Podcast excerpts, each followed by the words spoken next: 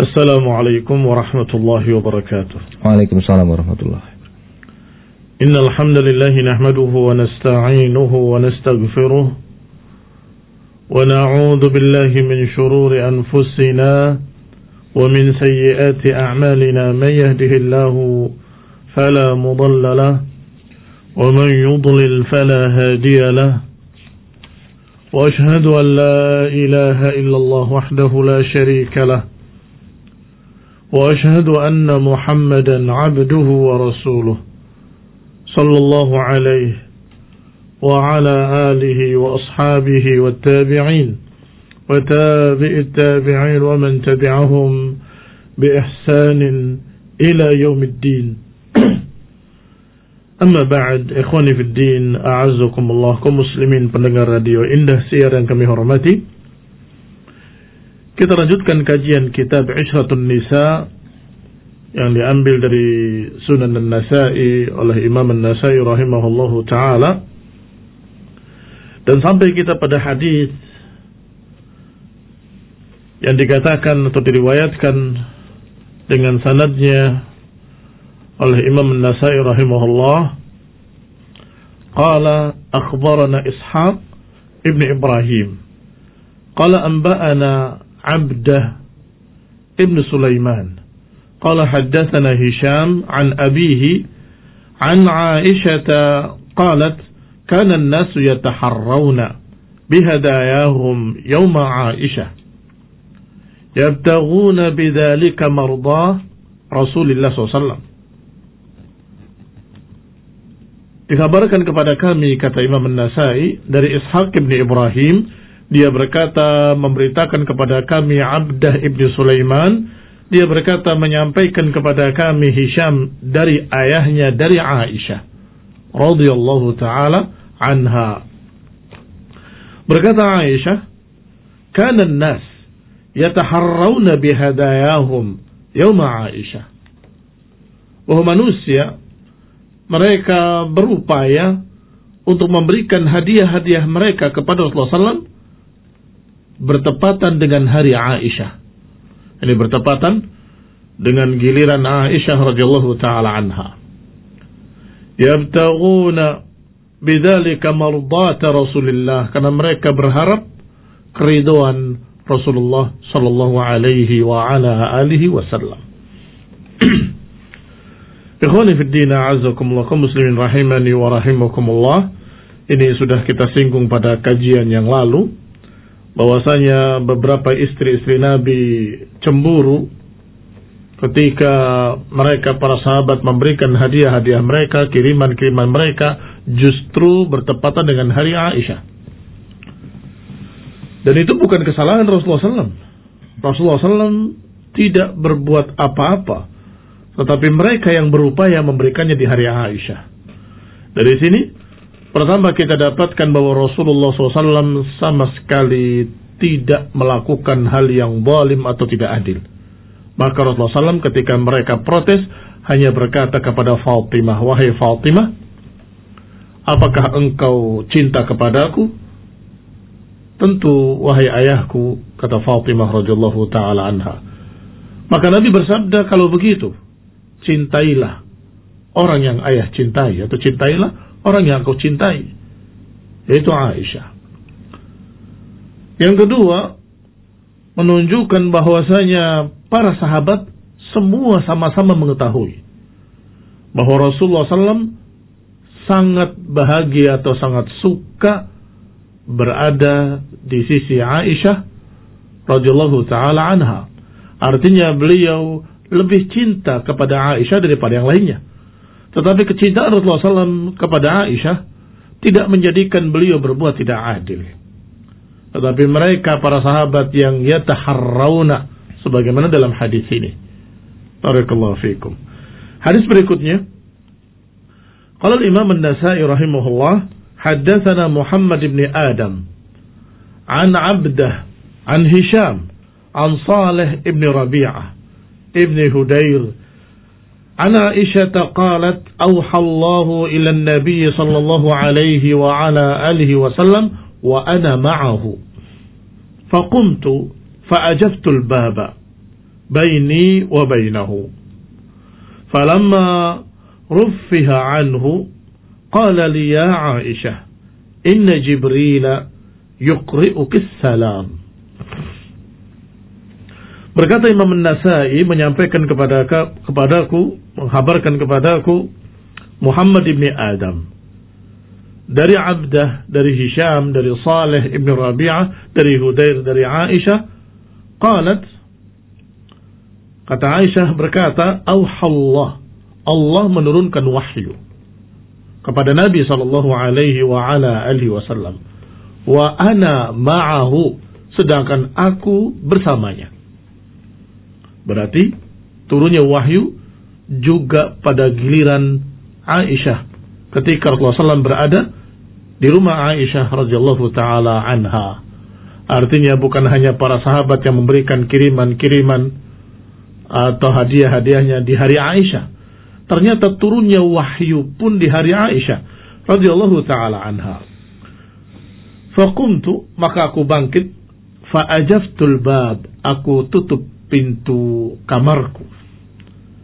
yakni biar atau dibiarkan Rasulullah SAW bersamanya saja, tidak ada orang lain.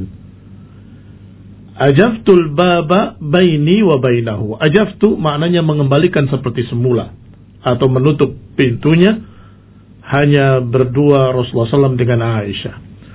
Falamma ruffiha anhu hingga ketika ruffiha anhu ketika Rasulullah SAW sudah diistirahatkan karena biasanya mendapatkan wahyu itu Rasulullah SAW terasa berat.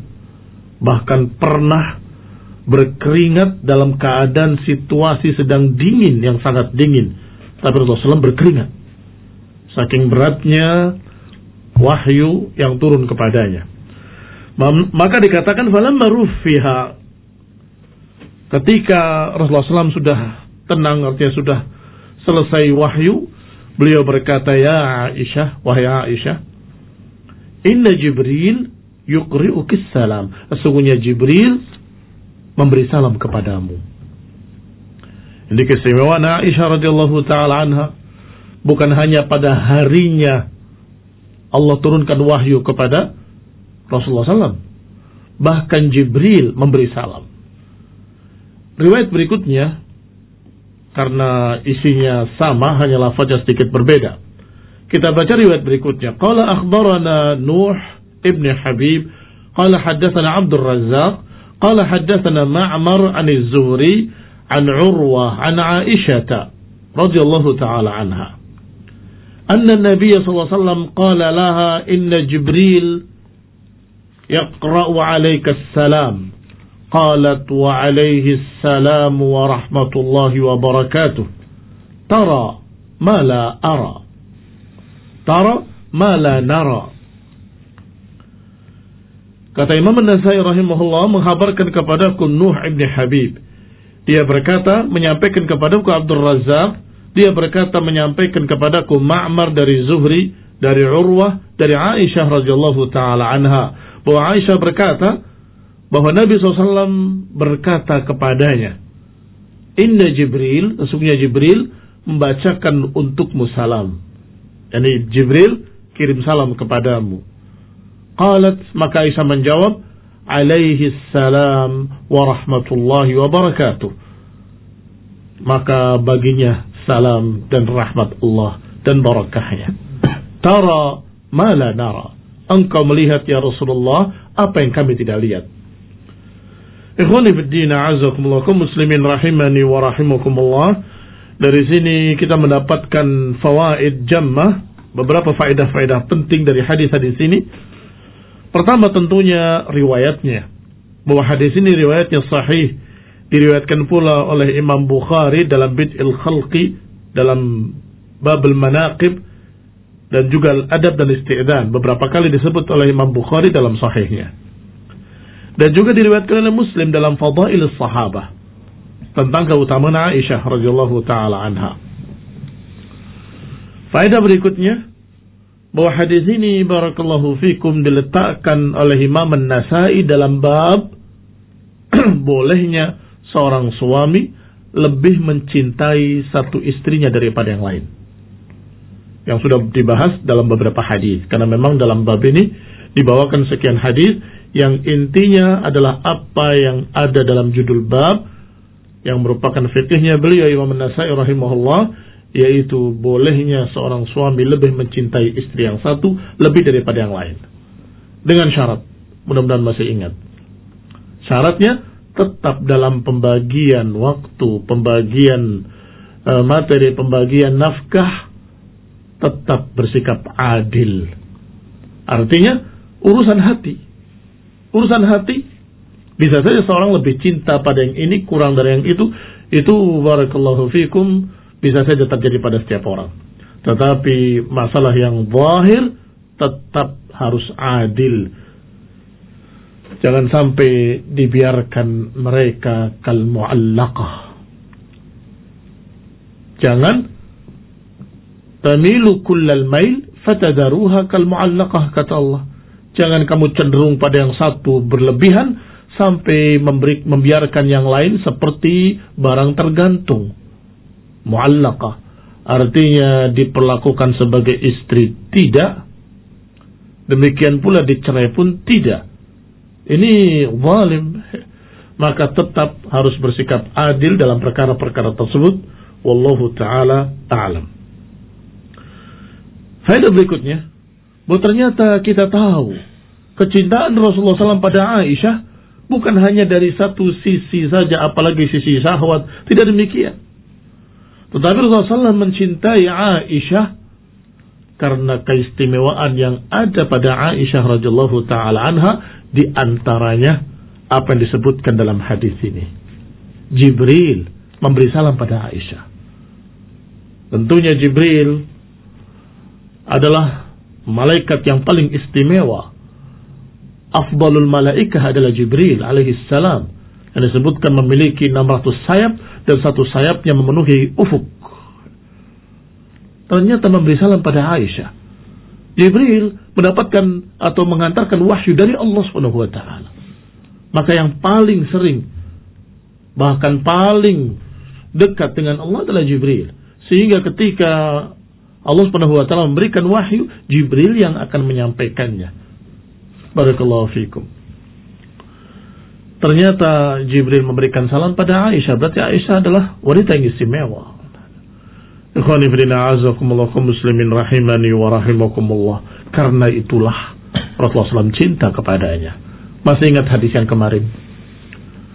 Ketika Rasulullah SAW mendapatkan ucapan-ucapan dari para istrinya minta keadilan, Nabi menyatakan sungguh tidak ada satu orang perempuan pun yang aku mendapatkan wahyu sedangkan dia dalam selimutku kecuali Aisyah.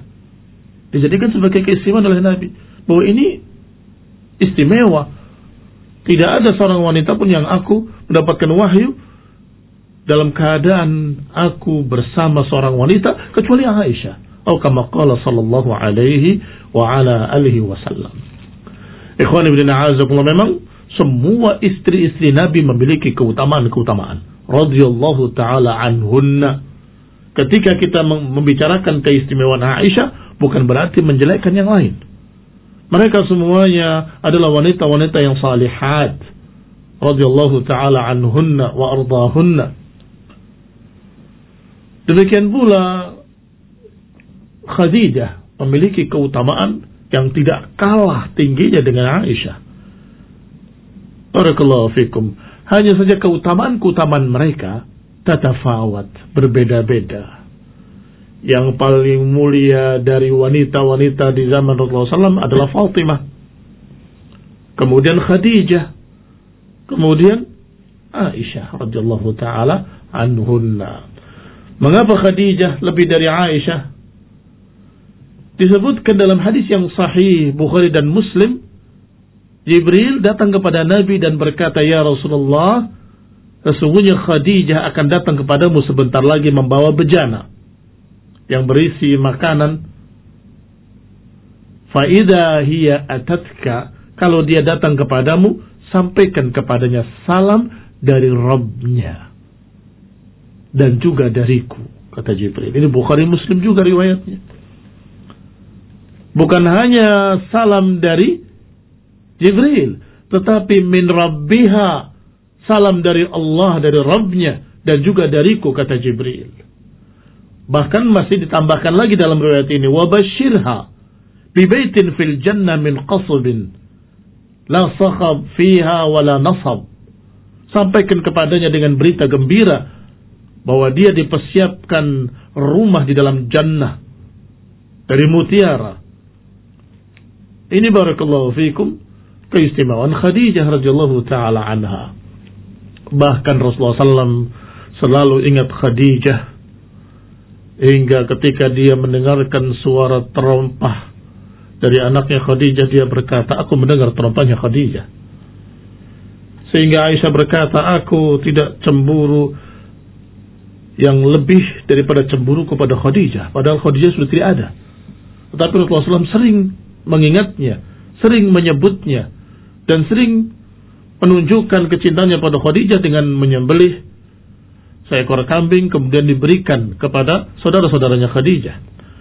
Ikhwani Demikianlah keadaan mereka para istri-istri Nabi yang tentunya itu adalah pilihan Allah yang Allah takdirkan untuk Rasulnya alaihi salatu wassalam. Tentunya keistimewaan mereka adalah dipilih oleh Allah untuk menjadi pendamping seorang Rasul. Rasul yang paling mulia, khatamul anbiya, penutup para nabi. Faedah berikutnya dari hadis di sini adalah istihbabu ba'sis salam dianjurkannya atau bolehnya kirim salam. Sampaikan salam pada fulan. Ini suatu yang sunnah. Suatu yang dicontohkan. Jibril memberi, memberi salam kepada Aisyah melalui Rasulullah SAW. Wahai Rasul, sampaikan salam. Faedah berikutnya, bolehnya seorang laki-laki memberikan salam kepada seorang wanita yang merupakan orang lain. Hati-hati. Faedah ini diberi catatan panjang oleh para ulama. Bahwa itu sunnah memang. Artinya boleh, dianjurkan. Tidak mengapa seorang laki-laki beri salam pada wanita yang bukan mahramnya. Tetapi idza lam yakhaf tarattub mafsadah. Syaratnya kalau tidak dikhawatirkan ada mafsadah kalau tidak dikhawatirkan ada fitnah, kalau tidak dikhawatirkan ada kesalahpahaman, kirim salam sama si fulan. Tolong sampaikan ya, salam sama ibumu. Anaknya dengan polos sampaikan, ini ada salam dari fulan. Ya suaminya tersinggung, ada apa? Kau beri salam sama istri saya? Barakallahu fikum, hati-hati. Tetapi Rasulullah SAW ketika melewati para wanita, beliau memberikan salam pada mereka. Bukan satu wanita, tapi beberapa wanita, sehingga tidak terjadi fitnah. Bukan berarti memberi salam dengan menghadap pada mereka, melihat wajah-wajah mereka. Tidak demikian. Tidak harus demikian. Disebutkan dalam riwayat Muslim, uh, disebutkan dalam riwayat Bukhari, bukan Muslim, dalam sahihnya, judul yang diberikan oleh Imam Bukhari babut taslimir rijal ala nisa. Bolehnya laki-laki memberi salam kepada wanita. Demikian pula oleh Tirmidzi disebutkan riwayatnya. Marra alaina Nabi SAW fi niswatin fasallama alaina. Kata Asma binti Yazid, dia menceritakan seorang wanita di zaman Rasulullah SAW radhiyallahu taala anha berkata, "Marra alaina Nabi." Nabi pernah melewati kami dan beliau memberi salam kepada kami. Maka jangan kaku-kaku banget barakallahu fikum. Kalau kalian melihat di kampung dalam gang melewati ibu-ibu di kampung, beri salam pada mereka. Dengan syarat-syarat tadi kalau tidak dikhawatirkan fitnah. Assalamualaikum. Bu, Assalamualaikum Bapak, Assalamualaikum. Barakallahu fikum. Yang berikutnya, bagaimana kalau sebaliknya seorang wanita beri salam pada laki-laki? Nah, sama. dengan syarat yang sama juga. Sebagaimana diriwayatkan dalam Sahih Muslim dari Ummu Hani. Bahwa Ummu Hani berkata, aku pernah datang kepada Nabi SAW dalam keadaan beliau masih mandi. Fasallamtu alaih dan aku memberikan salam kepadanya. Tentunya beliau bukan istrinya, tapi berikan salam. Adapun riwayat yang dikatakan atau riwayat dalam riwayat Abu Nuaim di dalam Amalul Yaumi wal Lailah yang menyatakan seorang laki-laki memberi salam pada wanita tetapi wanita tidak boleh beri salam pada laki-laki maka disebutkan sanaduhu wahin. Sanadnya tidak sahih. Tidak mengapa laki-laki memberikan salam pada wanita tidak mengapa wanita berikan pada, salam pada laki-laki tetapi dengan syarat jangan sampai terjadi kesalahpahaman. Jangan sampai terjadi fitnah. Maka bisa kita hitung dengan ghalabatul wan. Bisa kita hitung dengan prasangka yang rajih, prasangka yang uh, unggul. Artinya prasangka kuat bahwa ini tidak akan terjadi fitnah. Tidak mengapa. Barakallahu fikum. Masih ada faedah lain dari hadis-hadis ini. Di antaranya siapa yang mendapatkan kiriman salam. Ini penyiar radio ini paling sering kirim-kiriman salam. Maka harus dijawab dan disebutkan yajib alal faur. Hukumnya sama dengan hukum salam.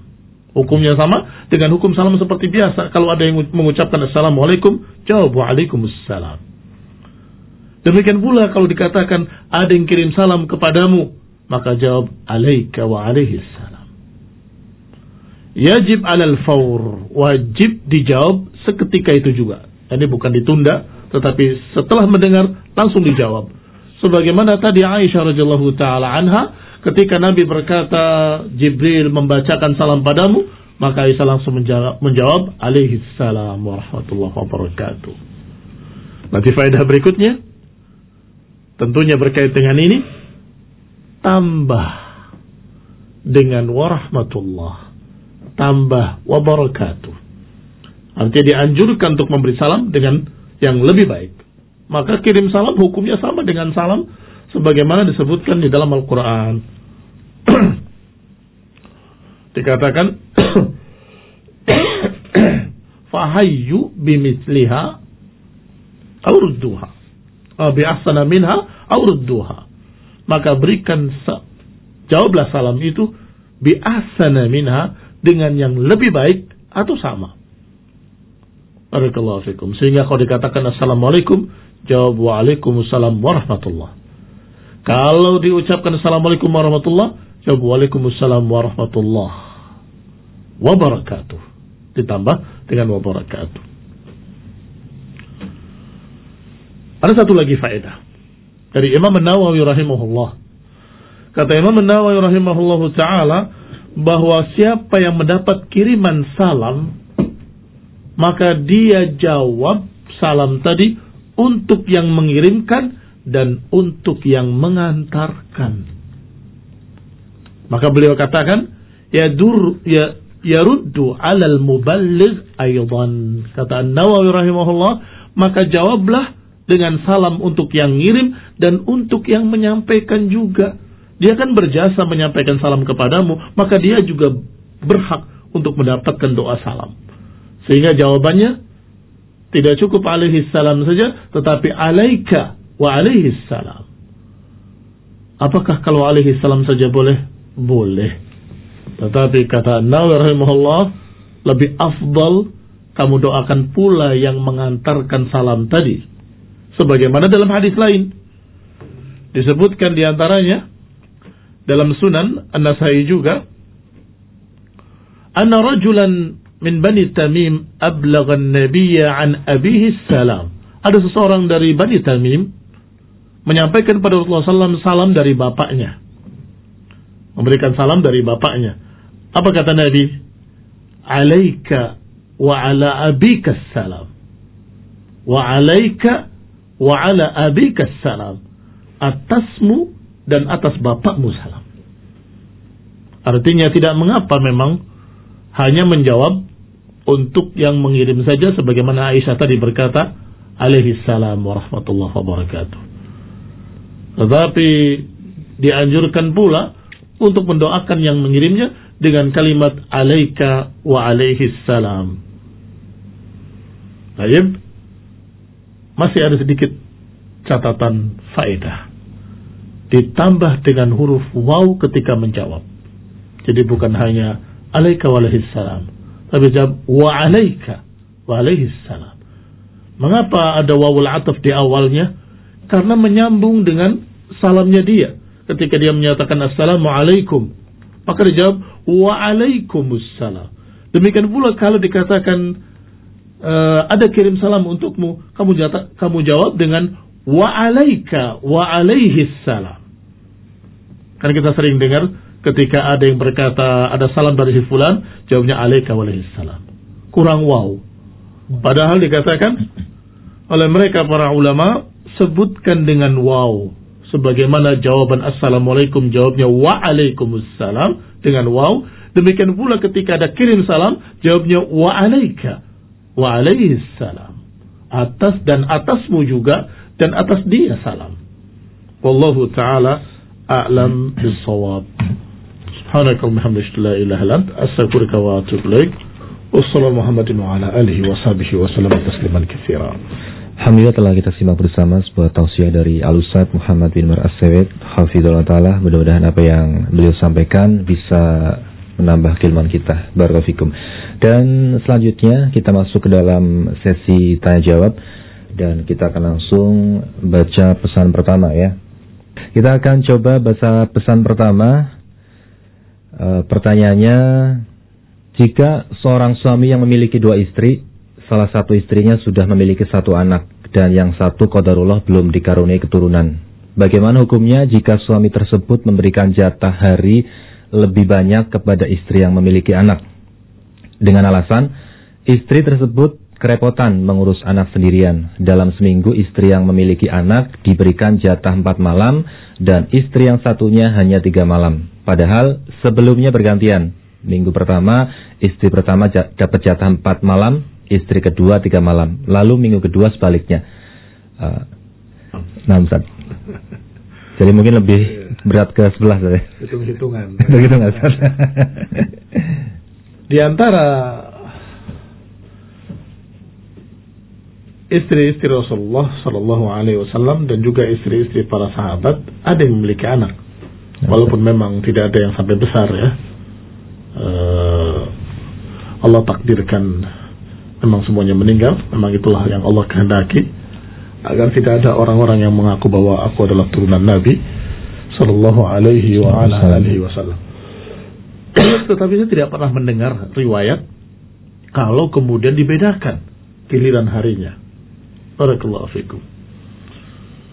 Mungkin perlu catatan bahwasanya yang dibagi itu adalah bermalam. Adapun siang hari, anak-anak tadi bisa datang ke bapaknya, bisa datang ke masjid, bisa ila akhirnya. Artinya tidak dihitung dengan matematik sekian jam, sekian menit, sekian detik. Tidak, tetapi bermalam. Bermalam. Ya. Memang kalau disunahkan Rasulullah SAW berpindah dari satu istri ke istri lainnya adalah setelah asar. Sebelum maghrib. Tetapi tetap hitungannya yang asal adalah bermalamnya. Bermalam. Sehingga kalau memang ternyata sibuk dan sebagainya, siang hari setelah itu mungkin sudah sore anak-anak sudah duduk belajar atau sudah mulai istirahat, kamu pergi ke istri yang lain barakallahu fikum sehingga tidak perlu sesampai merubah giliran bermalamnya. Nah, Allahu taala a'lam. Baik pertanyaan selanjutnya, Afan Ustaz izin bertanya, jika ditinjau dari sisi pandang ilmiah, bagaimana hukum asal persaingan antara istri untuk mendapatkan cinta suami dalam sunnah tadud. Apakah dihukumi dengan hukum wajib, sunnah, atau kamubah? Dan bagaimana hukumnya jika seorang istri lebih memilih ikhlas tanpa memiliki keinginan untuk bersaing dengan madunya dalam memperebutkan hati suami? Setelah sang istri mengetahui bahwa suami tersebut lebih mencintai istrinya yang lain. Jazakallahu khairan, Ustaz. Nah, perkara tersebut hanya mubah saja, tetapi yang wajib adalah berbakti pada suami. Sehingga jangan kemudian dia karena merasa tidak perlulah merebut hati suami, udah jelas suaminya lebih senang sana gitu. Kemudian dia enggan untuk berbakti pada suami. Dengan kata lain, jadi dingin kayak es. Ya, itu tidak boleh juga. Tidak boleh seperti itu. Sehingga Adapun urusan bersaing-bersaing yang sehat tentunya yang saya maksud itu ya boleh-boleh saja. Tidak katakan wajib, tidak perlu mengatakan haram. Tetapi ketika dia sebagai istri dan suaminya datang menggiliri dia, dia harus menjadi seorang istri yang berbakti pada suaminya. Sebagaimana dalam hadis-hadis yang sering kita bahas dalam bab-bab tersebut. Uh, Ida ra'atka kalau kau lihat dia menggembirakan, kalau berbicara tutur katanya manis, tidak melihat kecuali yang baik, tidak mendengar kecuali yang baik, tidak mencium kecuali yang harum. Ini sesuatu yang harus dilakukan karena sebagai bakti pada suaminya. Wallahu taala alam. Ya. Pertanyaan selanjutnya, Bismillah, Afan Ustadz izin bertanya. Mohon nasihati kami suami istri yang sering saling menyalahkan karena pendidikan anak yang tidak berjalan lancar. Apalagi di masa pandemi yang belajarnya di rumah. Suami terkadang menyalahkan istrinya karena istri kurang sabar dalam mengajari anak yang kodarullah rewel ya dan malas-malasan belajar. Karena istri banyak pekerjaan rumah yang belum beres dan banyak anak yang harus diurus. Apakah pendidikan anak hanya tanggung jawab istri? Bagaimana caranya agar kami bisa membagi tugas pendidikan anak Ustadz? Uh, Jazakallah khairan. Ini berarti tidak ada yang ditanyakan ya. Uh, mungkin tipsnya kali ya. Tips. Tipsnya kali satu. Iya benar. Nah, tentunya yang demikian harus kerjasama antara suami dengan istri. Tidak bisa menyatakan ini tanggung jawabmu, nggak bisa juga istrinya mengatakan ini tanggung jawabmu, tanggung jawab bersama suami dan istri. Barakallahu Dilihat siapa yang punya kesempatan dalam keadaan tidak punya kesibukan maka dia harus mendidik anak-anaknya. Barakallahu fikum. Nah. Selanjutnya, Ustaz mau bertanya, eh, apakah termasuk tidak diberkahi ketika menikah banyak bertengkar atau ribut? Bahkan belum satu tahun menikah, sepertinya ingin menyudahi pernikahan tersebut. Bagaimana solusi dan nasihatnya? Jazakallahu khairan, Ustaz. Biasanya, yang seperti itu terjadi karena kedua belah pihak saling menuntut dan itu biasanya pasangan-pasangan baru. Maksud saya pasangan-pasangan yang masih muda nah. sehingga yang terpikir di benaknya mana hak saya? Istrinya menuntut suaminya harus begini harus begini harus begini. Suaminya juga menuntut istrinya seorang istri itu harus begini harus begini harus begini. Padahal sesungguhnya ada sisi lain yaitu apa yang harus kamu lakukan untuk istrimu dan istri juga demikian apa yang wajib saya lakukan untuk suamiku. Sehingga untuk menghindari hal-hal tersebut adalah upayakan apa yang wajib atasmu dan harapkan apa yang merupakan hakmu dari Allah Subhanahu wa taala. Saya ulangi, perhatikan kewajibanmu wahai istri kepada suami dan kewajiban suami pada istri. Tunaikan itu. Adapun hakmu, kalau dapat kamu syukuri, kalau nggak dapat kamu harapkan dari Allah Taala. Sehingga barakallahu fikum akan tumbuh dalam hati suami istri saling cinta mencintai.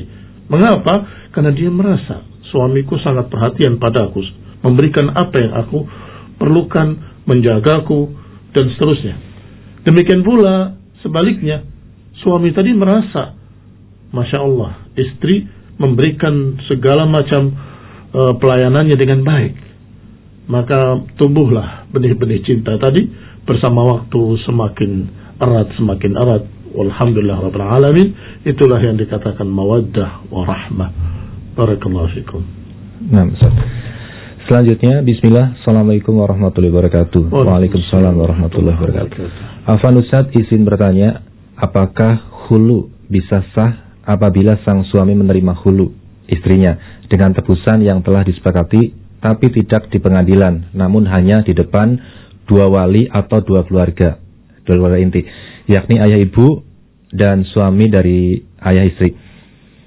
E, pertanyaan mungkin apabila tidak sah apakah harus mengulanginya di pengadilan? Kemudian kapankah masa iddah dalam sebuah perceraian mulai dihitung? Mungkin itu. Nah. alamatnya hulu itu berbeda dengan cerai. Alamat maksudnya dituju ya. Kalau kepada suami namanya minta cerai. Wahai suamiku, ceraikan saya. Kalau perlu saya berikan sekian, sekian, sekian agar saya diceraikan. Itu tetap minta cerai namanya. Tidak dikatakan hulu. Hulu itu adalah seorang istri menuntut cerai ke pengadilan atau ke hakim. Barakallahu fikum. Kalau memintanya pada suami dan suami kasih, berarti yang ngasih siapa? Suami. Kalau yang ngasih suami namanya apa? Cerai. Kalau cerai sudah kita kenal bagaimana syarat-syaratnya, bagaimana aturan-aturannya. Tetapi kalau hulu adalah ketika dia mengajukan hulu dan alasannya diterima, alasannya diterima oleh hakim, maka akan diperintah atau akan diputuskan oleh hakim tadi kembalikan maharnya setelah itu akan dikatakan bahwa dengan ini terpisahlah engkau dari suamimu, tidak bilang cerai loh ya, tidak bilang cerai, terpisahlah dari suamimu bain. Apa maknanya bain? Tidak bisa rujuk lagi. Bain mana tidak bisa rujuk lagi, artinya bain itu lepas. Apakah seperti talak tiga? Berbeda. Kalau itu bain kubro. Kalau ini bain yang sugro, artinya dia terpisah dari suaminya dan tidak bisa rujuk kecuali nikah kembali, melamar kembali, mahar kembali, begitu. Berbeda dengan rujuk. Kalau rujuk itu kan e, cukup dengan bertemu kemudian sepaham, kemudian jima, selesai. Rujuk. Kalau ini tidak. Karena sudah terpisah. Yang ketiga, perbedaannya adalah bahwa maharnya, uh, maaf, idahnya tidak ada. Tidak ada masa idah. Yang ada namanya al-istibra. Al-istibra itu pembebasan rahim hanya satu bulan. Kalau satu bulan haid, berarti rahim tidak ada janin. Berarti rahim dalam keadaan bersih. Maka dia sudah boleh menikah. Jadi satu bulan itu bukan idahnya satu bulan, bukan. Itu istilahnya istibra pembuktian bahwa rahim bebas dari janin, setelah itu dia boleh menikah lagi. Ini perkara-perkara ini berbeda sekali dengan cerai. Barakallahu Sehingga uh, perhatikan baik-baik. Apakah engkau meminta cerai atau meminta hulu?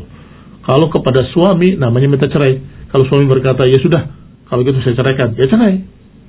Walaupun hasil tuntutan permintaan dari istri. Maka tetap jatuhnya talak. Wallahu taala a'lam bisawab itu yang saya tahu. Nah, Ustaz. Pertanyaan terakhir Ustaz. Bismillah mohon nasihatnya Ustaz, bagaimana jika suami basa-basi kepada wanita bukan mahram? Apakah diperbolehkan? Seperti contoh, menanyakan kabar anak wanita bukan mahram tersebut, alasannya karena satu tempat kerja. Urusan dengan wanita ajnabiyah tidak boleh berlebihan sudah dibahas tadi, salam saja harus hati-hati jangan sampai terjadi salah paham. Jangan sampai terjadi fitnah. Tiba-tiba kamu memberi salam pada seorang wanita sendirian, hanya dia. Yang lain gak diberi salam. Akhirnya wanita tadi GR, ada apa ya? Kayaknya dia suka sama saya. Akhirnya jadi fitnah. Fikum. Apalagi kalau sampai basa-basi, kelamaan, ngobrol sana kemari yang tidak berkait. Kalaupun terpaksa harus berkomunikasi dengan wanita yang ajnabiyah seperti jual beli atau di pasar dan sebagainya, maka sekedarnya saja, sehajatnya saja. Jangan berlebih. Wallahu taala alam. Nah, Ustaz. Jazakallahu khairan Ustaz atas nasihat dan juga jawaban-jawaban dari pertanyaan-pertanyaan para pendengar semuanya. Mudah-mudahan bisa memberikan manfaat ya untuk para pendengar semuanya. Barakallahu ya. Mohon maaf atas pertanyaan-pertanyaan yang mungkin tidak bisa kami jawab karena keterbatasan waktu kita.